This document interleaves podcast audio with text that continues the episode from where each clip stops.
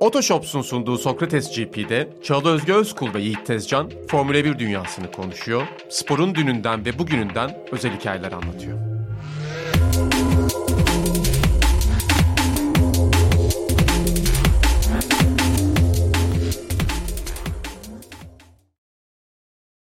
Sokrates GP'nin yeni bölümüne hoş geldiniz. Yiğit Tezcan'la karşılıklı oturuyoruz. Yeni bölümü kaydedeceğiz. Bugün sevgili Sencer yok. Ona sevgilerimizi iletmiş olalım ama çok sevgili Barkın bizimle beraber. Evet. Hoş İstanbul geldin. İstanbul Park'ın sesi Barkın Kızıl. Nasıl? Barkın'ı ben sataşacağım yani bugün. Dış kulvardan Botas geliyor şeklinde yarışı anlatmıştı İstanbul'a. Yine hatırlatalım. Daha önceki the Waste'yi Dış kulvardan Botas geliyor. Bariyer dibinde Checo Perez diye heyecanla anlatmıştı. Formal.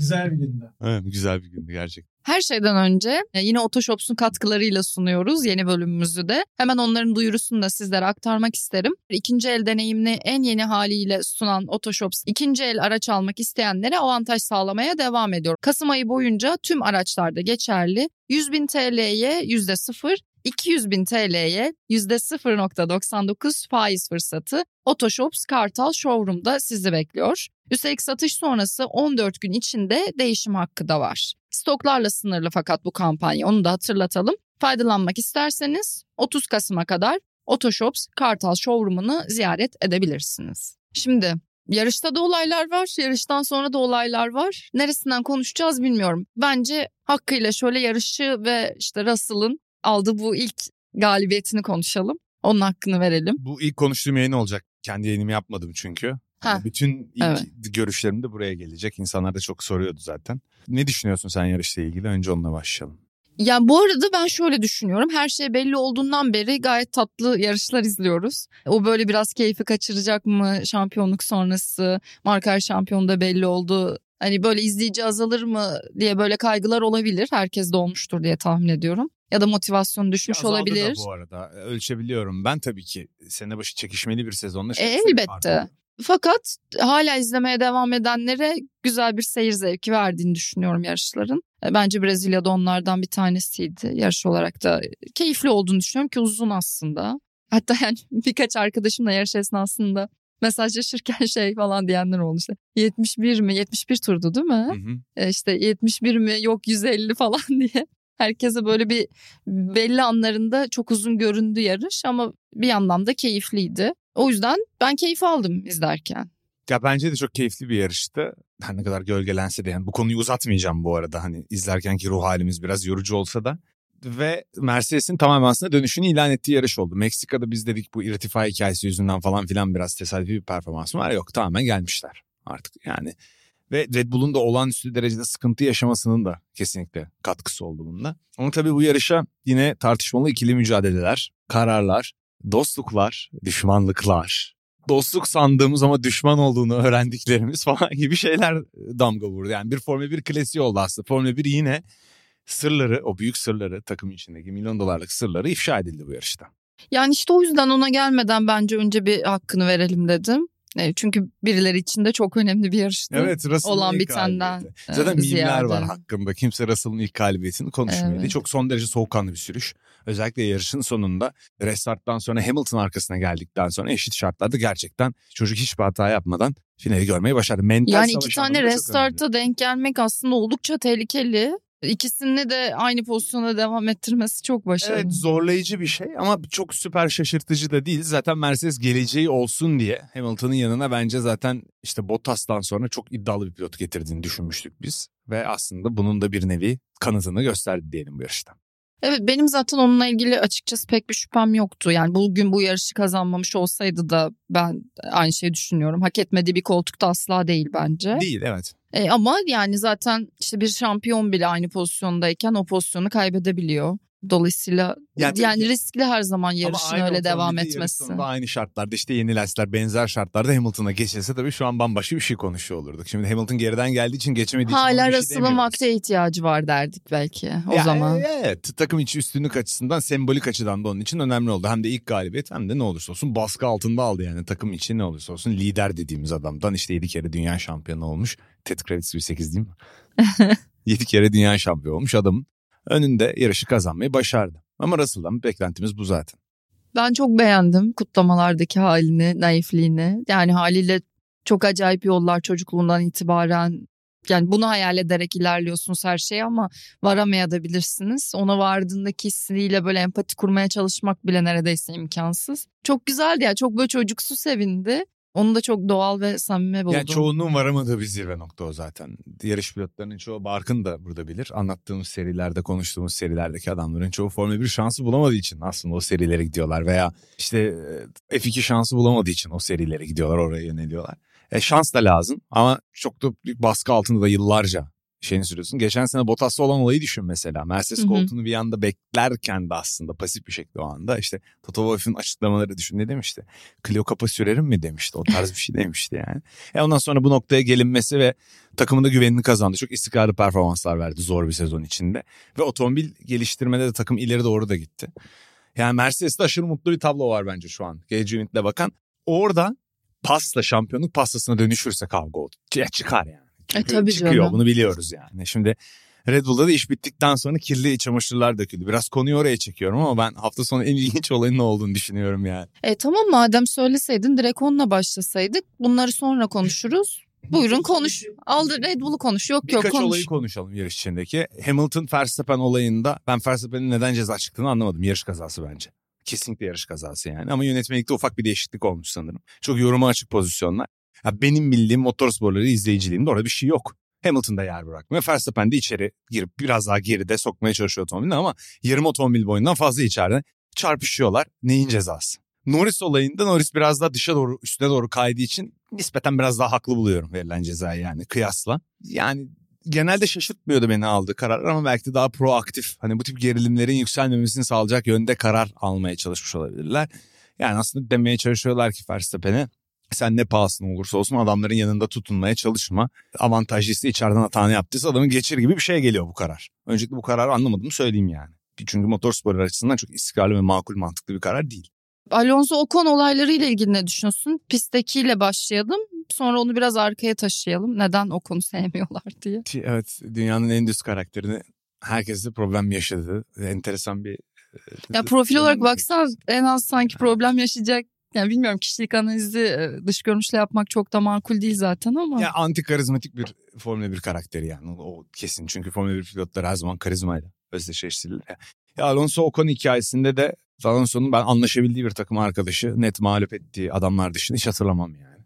Ha, Alonso'da da aslında. Evet McLaren gerideyken Batın'la dost olmuş olabilirler. Çünkü zaten GP2 motoru diye radyodan sövüyorlardı. Yani hani o bir rekabet yaratacak bir şart yok. Peki sence bu daha gerçek değil mi? Yani zaten rekabet ettiğin biriyle o kadar da yakın dost olmak kolay değildir ya. Hep onu Değil, konuşuyoruz ya değil, sana evet. Formula 1'de bir de bir maske de oluyor diye. Al- Alonso'nun bunu yaşama ve yaşatma biçimleri hep daha gergindir.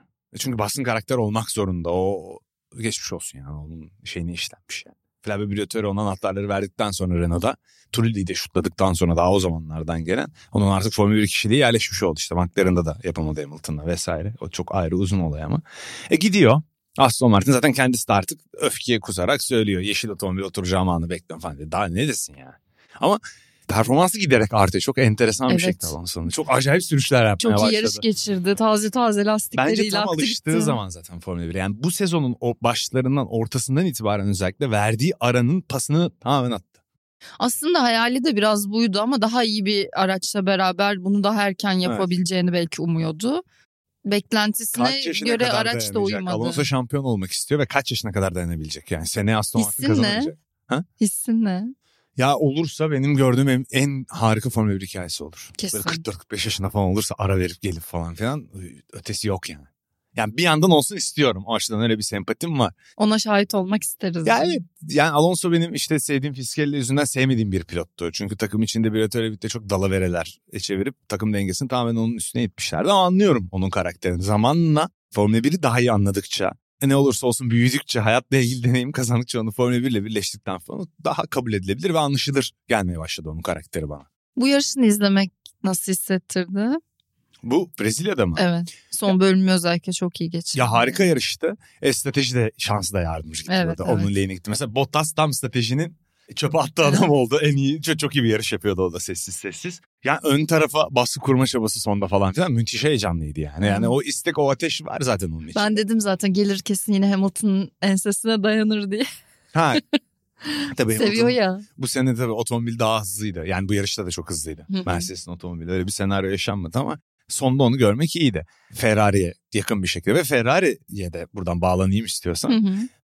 Şimdi şöyle bir teori geliştirdim. Biraz dağınık başladık ama şimdi kafada yerleşmeye başladı Evet. konuşacağım şeyler. Şeyler zincir Ya. tamamlıyor birbirini. Sene başından beri kaç hata yapıldı yazmadım. Bizi dinleyen biri yazsın. Kaç mekaniker var ve kaç tanesi bunların rotasyonunda gidip geliyor. Arada bir dinleniyor değişiyordur. Ana bir ekip var.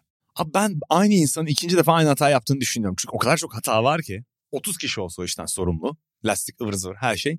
O kadar çok hata yapıldı ki aynı adam ikinci defa bu hatayı yapıyor. Aynı adamın ikinci defa bu hatayı yani bir kere her insan hata yapabilir yani aynı yıl içinde yani insanlık hali bu. Ha, birilerinin kovulması lazım olduğu kesin her hafta sonu. Bak Mekaniker tarafında, musun? mühendis tarafında da Evet. adamı interlerle ya inanamıyorum ya. Yani yağmur yok. Piste çıkartıyorlar. Sanki sen Williams veya Haas'sın ki Haas sürpriz pole aldı zaten hı hı.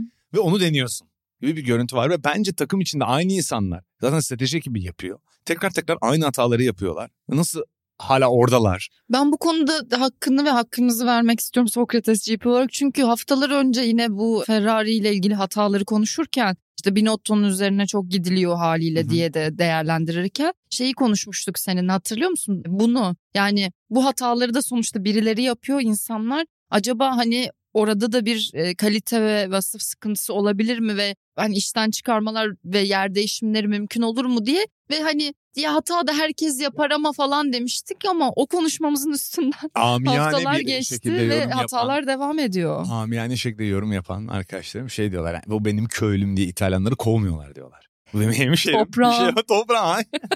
o yüzden kov. Ama aynı hata tekrar birileri tekrar tekrar aynı hata yapıyor. Bir me- mekanik ya bak şimdi bir John tabanca sıkışıyor tamam mı? Mercedes Benim çıkartamıyor lastiği bozuldu. Monaco'da anladın mı? Benim bir müdürüm vardı. Toprağım derdi herkes. Hiç alakası olmamasına rağmen. Toprağım mı? Evet böyle bir çalışma şeyimiz yaşandı maalesef ve birkaç sene sürdü Niye ama toprağım samimiyet diye. belirtisi yani. Ama değiliz aynı Hemşerim. topraktan. Herkes Ha, öyle diyor öyle yani. Herkes sonra. öyle sesleniyor bütün çalışanlarına. Yani ne bileyim. Nabza göre şerbet vermektir yöneticilik. Bir gün ablam babamla dışarı çıkıyorlar. Babamın en büyük özelliği de herkese uygun lügatta konuşabilmesiydi. Tam halkada. Bayılırım öyle Tamam. insanlara. Annemle işte çocuk çıkmış babam ablamlarla. Ben daha yokum portakallı vitaminim. Eve gelmiş işte ablamlar şey demiş hani. Anne babam adamları gözüm diyor ya demişler. Onlar da dehşete kapılmış. Benim abim de biraz öyledir. Çok da hoşuma gider. O çok iyi iletişim kurabiliyor o yüzden aslında. Ya ben de kurduğumu İnsanlarla. düşünüyorum. Ben de her çevreden insanla iletişim kurmayı aşırı severim. Ve bunu şey olarak severim yani. Gerçekten hoşuna gitmezse yapamazsın zaten. Evet. Hani atıyorum esnafla konuşmak için gerçekten şey yapmak lazım.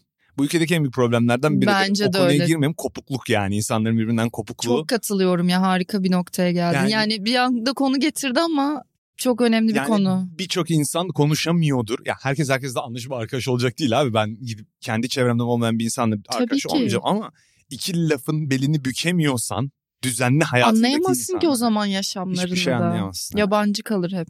Aynen öyle. Neyse Ne diyorduk ya? Ha, İtalyanlar amiyane tabirle arkadaşların diyor ki bunlar köylüm diye kovmuyorlar. Tamam bu kimseyi. çok iyi karakter özelliği. İyi severiz böyle namuslu şerefli insanlar ama Formula 1 gibi bir iş dünyasında alalı verenin dala verenin döndüğü yerde belki iyi değil. Ve ben buna biraz şey bakıyordum şüpheci bakıyordum. Ya Ferrari böyle mi yorumluyoruz yani çok İtalyanlar o yüzden bir başarısı ol- Yok abi o yüzden. Ben başka açıklamam var mı? Her hafta üst üste hata yapan bir takım var. Mekaniker tarafında lastik çıkarırken, lastik takarken hata yapan bir takım var. Karar konusunda hata yapan bir takım var. Hiçbir şey değişmiyor. Hiçbir şey ileri gitmiyor. Biri yorulduysa geri çekilmiyor. Sezon içinde tamamen değiştiremezler. Peki Sainz tarafında işlerin nasıl gittiğini düşünüyorsun? Mesela kendisi demiş ki aslında benim sezon başında bu seviyede olmam gerekirdi. Fakat şimdilerde yani sezon sonunda iyi performans veriyorum. Onun tarafında biraz daha farklı O da ayrı gibi. bir tartışma konusu. Ben Sainz'in geçen seneyle birlikte Ferrari kariyerinde aslında bir nevi düştüğünü ispatladığını düşünüyorum. Bu senenin başı çok kötü gitmesine rağmen. Hı hı. Ben Lökler tarafından net mağlup edilir. Çok açık öyle gibiydi. Çok Lökler tarafından net mağlup edilir diyordum. Çünkü benim gözümde en azından öyle. Hatta seninle şeyi konuşuyorduk hatırlıyor musun? Birinci pilot, ikinci pilot. Ferrari'nin hani çok net yapması gerekir mi diye ben Sainz'ımı bırakmıyorum. Ama Ferrari tarafından gelen açıklamalar da Sainz'e göre otomobili biz geliştirdik falan filan gibi net bir 1-2 ayrımı yapmama çabası kesinlikle var Ferrari'de. Evet. E, Bu da tartışılan bir tutum. Çünkü diğer pilotun geldi ilk yarışta Verstappen'i yendi. Mental olarak Leclerc ilk yarışta Verstappen'i Bahreyn'de yendi. Bunu çok çabuk unutuyor insanlar. Çocuk Verstappen'le mücadelelerinde hep iyiydi. Ya hatası oldu. Fran işte şeydeki spini, Fransa'daki spini falan filan teknik arızalar oldu ama çocuk liderlik ediyordu takıma yani. Tabii. Ya zaten hatta bak bu yarışı izlerken şunu düşündüm. Sezonun başı biraz öyle geçtiği için yani en azından bazı anları öyle yakaladığımız için. Burada atıyorum Russell'la Hamilton'ı görmek, Hamilton'la Verstappen'i görmek, işte Sainz'in orada onu görmeyi özlediğimi de düşündüm. Çünkü sezonun belli bir kısmı öyle bir e, Red Bull ve Verstappen dominasyonuyla geçti ki mesela Verstappen'le Leclerc'i çok daha fazla yan yana görürüz diye hayal ederek başlamıştık. Öyle akmadı ya. Ya evet. Keşke öyle olsaydı yani. Tersine Şu döndü, anlattığın hikayeyi daha çok Ya şey bile duysaydık. heyecan verdi yani. Her ne kadar bir çarpışmayla bitse de Hamilton Verstappen yan Evet yana oldu. Çok heyecanlıydı yani. Özlemişiz. Çünkü sporu- Kimseye bir şey olmadığı sürece onu görmeyi istiyor Ya tabii ki izleyici sporu zaten. büyük yapan şey rekabetler zaten yani. Her ne kadar onu toksikleştiren de zaten günümüz insan yapısı ve sosyal medya. Aslında aralarında toksik bir şey olduğundan değil yani. Hani yarış kariyerleri boyunca birbirlerinden düşmanca nefret eden adamlar bittikten sonra belki birlikte bir proje bile yapacak. Tabii. Hep böyle oluyor yani hep öyledir. 10 yıl sonra barış yapılır. Yani Will Chamberlain'la Bill Russell bile küsmüş abi yani. Hani anladın mı yani bu böyle. O, o açıdan evet bu hafta sonu gerçekten heyecan veriydi ve vericiydi ve Mercedes'in öne taşıması otomobilini. Şunu söyleyeyim kimse Mercedes'in gelecek sene nasıl olacağını bilemez. Hı hı. Bilememekle birlikte Formula 1'de şöyle bir ezber eğri vardır. Sene sonunda bir takım çok yükselir farkı kapar ama gelecek sene otomobilinde biraz geri gitmiş olarak sezona başlar. Tamamen taşıyamazsın. Yani, Genelde bu böyledir. eğrinin sebebi neden olabilir yani bunlar? e, kural değişikliklerinin Hı hı. miktarıyla alakalı otomobili tasarlarken. iki her ne kadar bütçe kısıtlaması içinde tam nasıl çalıştıklarını hala anlamakta güçlük çeksek de sezon sonunda verilen emeğin çok fazla olması ve öbür takımların şimdiden öbür sezona yönelik hazırlık yapmaya başlamaları falan filan gibi. Mercedes teoride bunu eşit de dağıtmış olabilir. Ama gelecek sezonun başına işte Ferrari öyle olduğunu söylüyor ya biz geliştirmeyi bıraktık diye. Tabii Mercedes bu noktada dönemeyebilir. Ama farkı da kapattığı kesin. E, gelecek sezonun ortasından itibaren bu kesin bir şekilde yarışın içinde olmalarını bekliyorum ben. Olmaları gerekiyor zaten bence. Öyle de görünüyor. Yoksa bir şekilde hani Mercedes'in ve Lewis Hamilton'ın tepki çek- çektiği o yıllardaki gibi Red Bull'a da öyle bir şey olacak. Ferrari geçtiler. Domine edersen sürekli. Hadi Red Bull çok ekstrem bir lastik problemi yaşadı. Olabilir. En iyi otomobiller senede bir iki pistte bir verim veremiyor. Olabiliyor. Ama Ferrari geçtiler yani belli. Evet. Bir de Abu Dhabi'yi görelim bakalım ne olacak. Ve son olacak o da. Hazır mısın son yarışa da? Ya hazırım. Mental olarak. Tamam mı? Ya, Yorulduk artık. Yoruldum ben. Yoruldum yani. Açıkçası benim bildiğim Formula 1 sezonları 16 yarıştan oluşur. Bir iki senedir böyleyiz. Aynen böyle bir tuhaf yani ve artıyor da zaten artacak. Abu Dhabi ile ilgili en böyle garip hissettiren şey Fetal gibi geliyor bana. Son yarışı olacak şimdilik görünen o ki. Şimdi o da çok ateşli yarıştı bu hafta sonu ve iyi yarışıyor. İnsanlar da diyor ki bu adam niye bırakıyor? Çünkü gridin yarısına hala daha iyi muhtemelen. Ama hayat Formula 1'den ibaret değil. Dört kere dünya şampiyonu oldu. Bir daha şampiyon olabileceği bir otomobil bulamayacak gibi görünüyor. o emeklilik ailesiyle- kararını açıkladığı videosunda da ondan bahsediyordu ya. Bu Bana mesela çok sana normal geldi mi? Bana Mavi iste seviyorum. Çikolata vesaire öyle şey. Yani hayattaki başka bir varlığı olduğunu anlatmak istemişti o videoda. Bir şeyde iyi olmamız onu yapmamızı her zaman gerektirmez. Yapmak istemeyebilirsin. Kendini saklamak istemeyebilirsin. Başka serilerde bir seni Fetel Bak yarışı. yoruldum dedin mesela az önce. Çok doğal yani bu. De tabii ki. Anlatıcısı için bile ne kadar evet, zor. Çünkü başka sporlarla da ilgileniyorum. Hayatımı geçtim başka şeyler yapmaya. O değil. Yani başka sporlarla ilgili başka şeyleri de anlatıyorum. Ve Formula 1 en azından benim kafamda belli bir yarış sayısıyla kodlanmış yani. Ve onu aşınca tabii ki yoruma başlıyor. Seneye de hazırlıklı gireceğim muhtemelen. Çünkü artık biliyorum yani. Bu bütün sezonu olan bir şey yani. Diye düşünüyorum. Olaylara gelelim mi? Ya müthiş olaylar var. Lütfen Hangi gelelim. konuşacağız Lütfen şimdi? gelelim ya. Ya, ya şimdi şöyle bir gariplik var. Bir bilgi kirliliği de var akış Kesinlikle. içinde. Hı hı. Yani bilmiyorum neresine alalım. Önce şeyi konuşalım. Senin fikrini velev ki şöyle olsun. Yarış bitti. Verstappen ve Perez hiç konuşmadılar ve bilmiyoruz ne düşündüklerini. Ama işte Perez istediği yeri alamadı Verstappen'den. Verstappen'in telsiz konuşmasını biliyoruz. Buna nasıl bakıyorsun? Genel olarak sence yer vermeli miydi? Sen de yarışıyor olsan ne yapardın? İnsanlar Schumacher'in domine ettiği yıllardan referans vererek o takım emirlerine uyuyordu diyor. Ben seni merak ediyorum. Argo konuşmam için zor tutuyorum. Yani kendini Yani- Verstappen gibi de düşünme. Gen- Sen Yiğit Tezcan olarak ne yapardın? Ha, Verstappen olsam mı? Hayır Verstappen pozisyondasın ama Verstappen'in karakteriyle yapma analizi. Tam ben Kendi karakterinle yap evet. Abi yerimi verirdim ama çok zor verirdim. It's racing yani. Niye pozisyonumu vereyim ki birine? Bana genel olarak çok saçma geliyor hala. Ben şunu anlamıyorum. Bak müthiş bir noktaya değindin. Harika söyledin. Ya biz bu takım emirlerine küfür ediyorduk. Niye şimdi herkes takım emri istiyor? Bu futbol takımı değil abi. Yanlış Oldu ama bir anlıyorlar şekilde. olayı. Oluyor ama yanlış anlıyorlar olayı. Bunun çünkü aksi de oluyor ya sezon içinde. Evet yani Perez yardımcı oldu falan diyorlar ama dolaylı abi futbol takımı değil yani. Karşı karşıya kaldım. Offside olmayan yanında bir oyuncu daha geldi hücum. Ona pas verme değil bu olay. Hani rahat kaleciyi yatırıp ona pas verdim. Golü attı değil bu olay yani. Formula 1 yani. Burada herkes birbirine karşı yarışıyor öncelikle. Birinci şey bu. Takım olayı biraz yanlış anlaşıldı bence.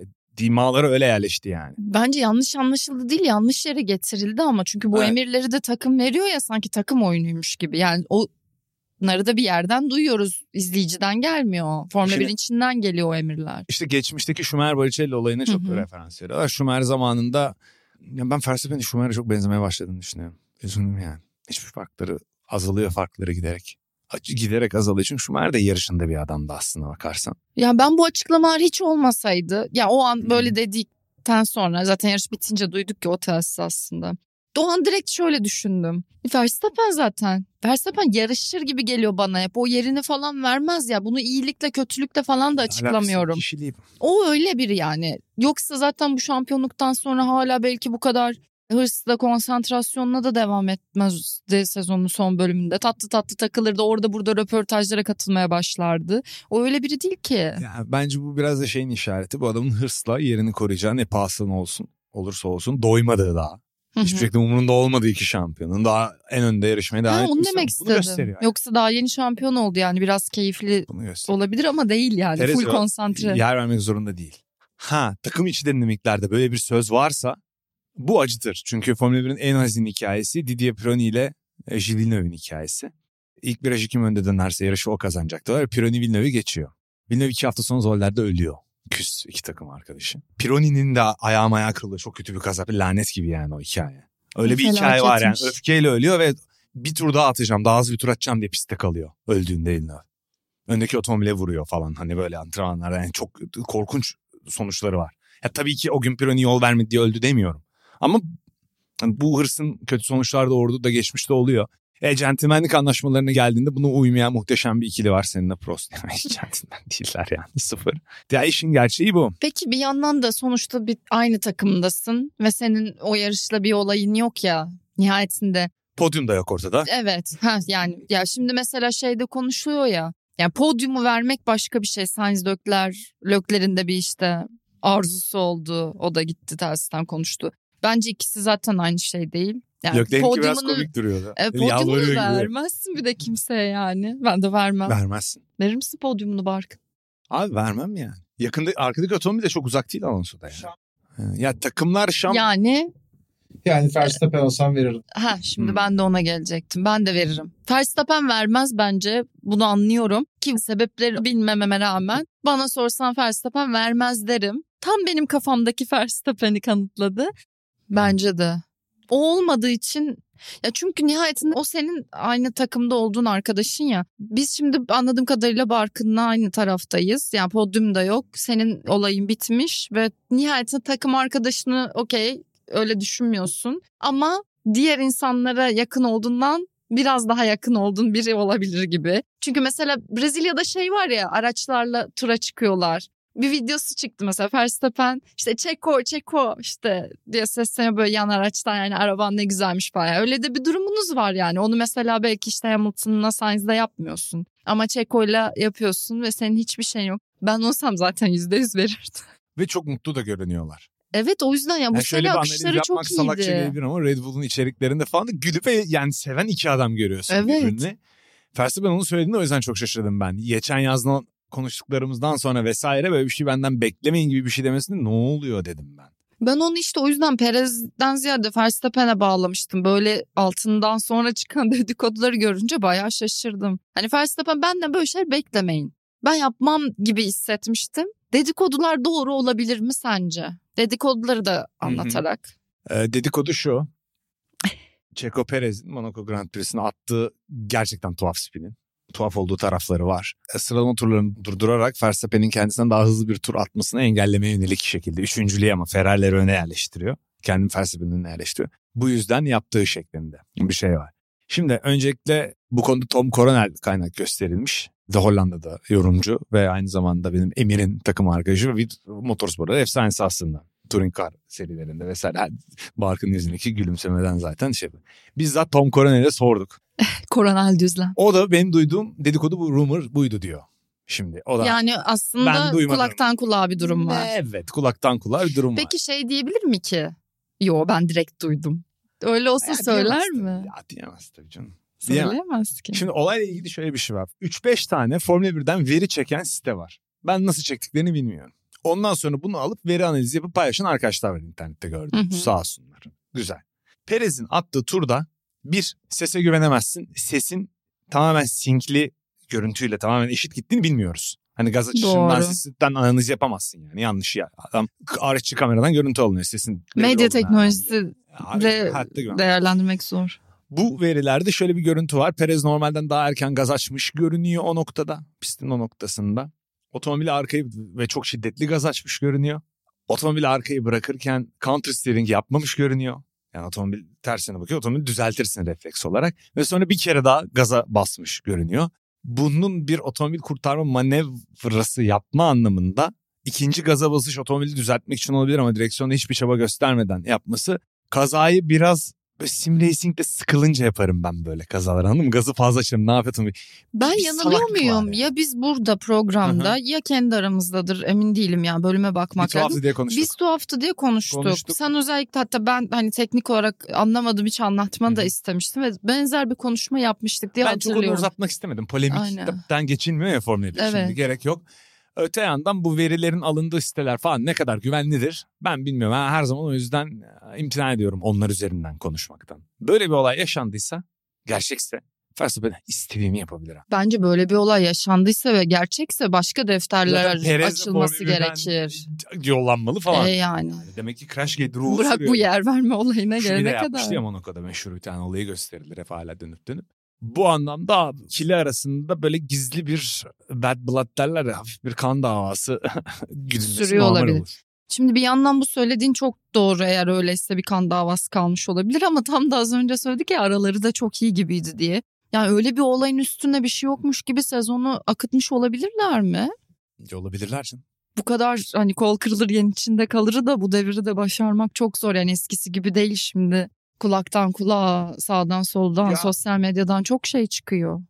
Perez niye öyle yapmıştır peki yaptıysa? Şimdi Gerekçesi Perez, nedir? Kafamda çok soru. Barkın'ı da konuştum. Perez bir Baricello, Fiskele falan yumuşaklığında değil ikinci adam olarak.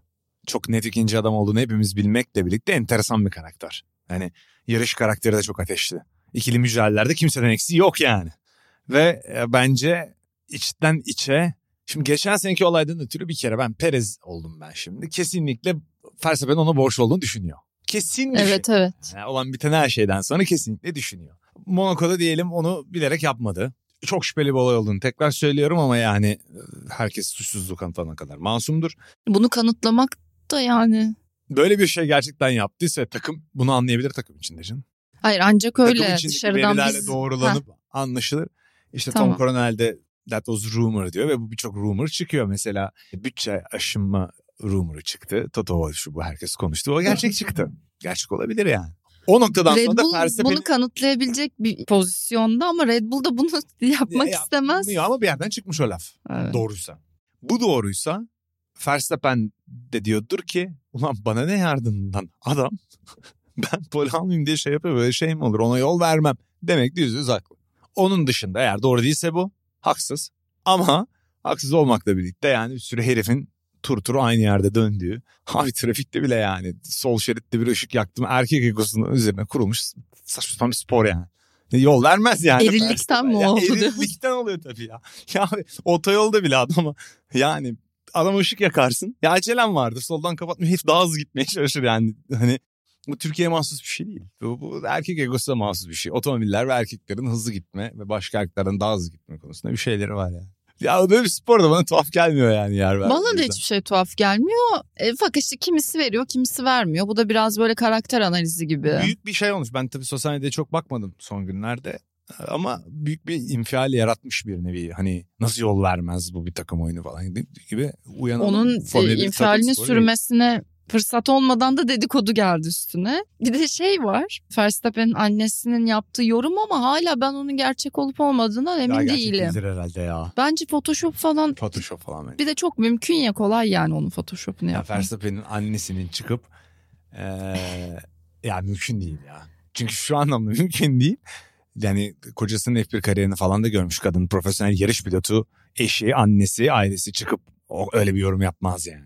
O bir de yere hiç yakışık alacak bir durum değil gerçekten. Yani ben de yapmamıştır diye düşünüyorum. için Perez zaten karısını da aldatmıştı. Bu ilici gibi bir yorum yaptığı iddia ediliyor ama Evet bir de kendi yani yazarak yaptığı screenshot. Instagram screenshotlar var ama yani sanmıyorum. Yani. Ben de sanmıyorum. Yaptıysa da Yani biz bunu kaydederken hala bu konuyla ilgili bir şey yoktu Yok. da. Yalanlama Evet. vesaire. Yani şimdi şöyle de düşünmek lazım bazen. Kendin hakkında bile insanların teorileri oluyor ya. Senin hakkında da oluyordur, benim hakkımda da oluyordur, Barkın hakkında da oluyordur. Onların ne kadar yanlış olduğunu çoğu zaman gülüyorsun yani. Adam hiç tahmin ettiği gibi değil aslında senin hayatında olan şey. Senin realiten aşırı farklı. Senin olduğun kişi alakası yok yani oraya göründüğünde. O yüzden boş biraz da yani. Bütün bu kıyaslama ve karakter analizleri ama dediğim gibi o gerginlik Monaco'ya bağlanıyorsa korkunç bir olay ya. Başka yerlere de ulaşır o. Hani Verstappen'le kısıtlı kalmış abi. Yani Perez gerçekten bilerek spin falan atıyorsa öyle. Ki olayın da tekrar şüpheli olduğunu yineleyeyim. Böyle. Sen ne diyorsun? Yansın aralarda söyledim zaten yani baştan alarak Verstappen'in olduğu için vermemesine hiç şaşırmadım. Dedikodulardan bağımsız zaten dedikodu yokken bittiği anda gördüğümde yani ne bekliyordunuz ki vermez zaten yani. Çünkü o öyle bence öyle bir pilot. Evet. Öyle biri yani Verstappen. Formula 1 de böyle Dediğim gibi bunu iyilik işte. ve Onu kötülükle ilgili yani ben onun öyle olduğunu düşünmüyorum. Tamam. Ama Verstappen'i olduğu gibi kabul etmekse eğer o bence öyle biri zaten.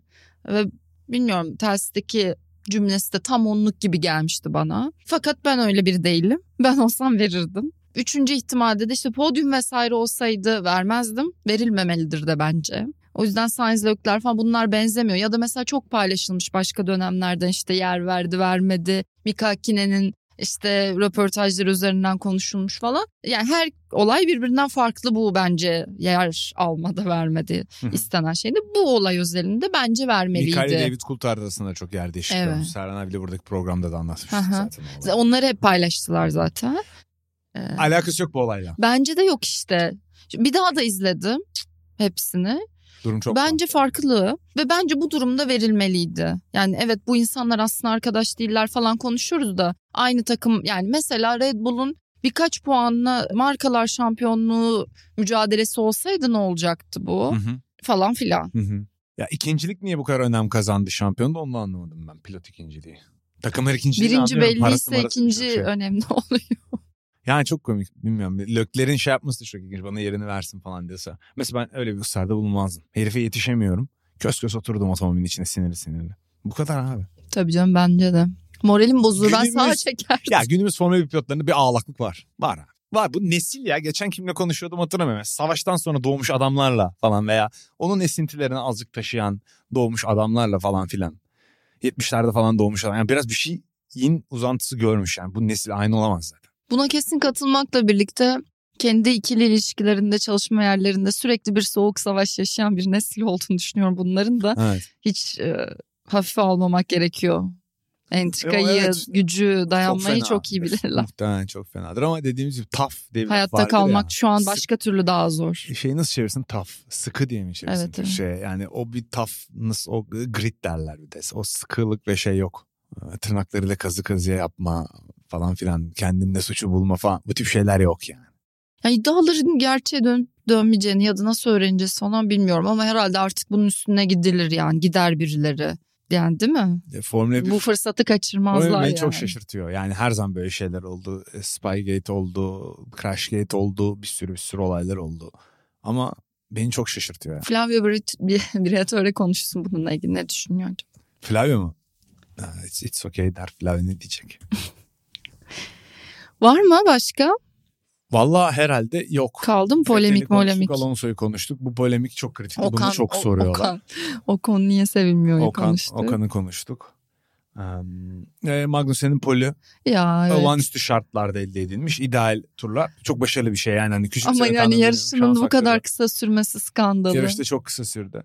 E, Biraz orada yavaş da kalmış medium lastiklerle Ricardo ile çarpıştığı pozisyonda. Sonrasında da aslında orada ilginç bir şey var tartışmaya açık. Magnussen 4 lastik kitler normalde sürücüler. Bunun birçok nedeni var. Otomobili bir görünür yapmak gittiği yönü. Hı hı. Yavaşlatmakla birlikte lastiklerden duman da falan da çıkıyor ki arkadan gelen beni görsün. Yani bu bir kaza refleksidir. Doğrusu budur.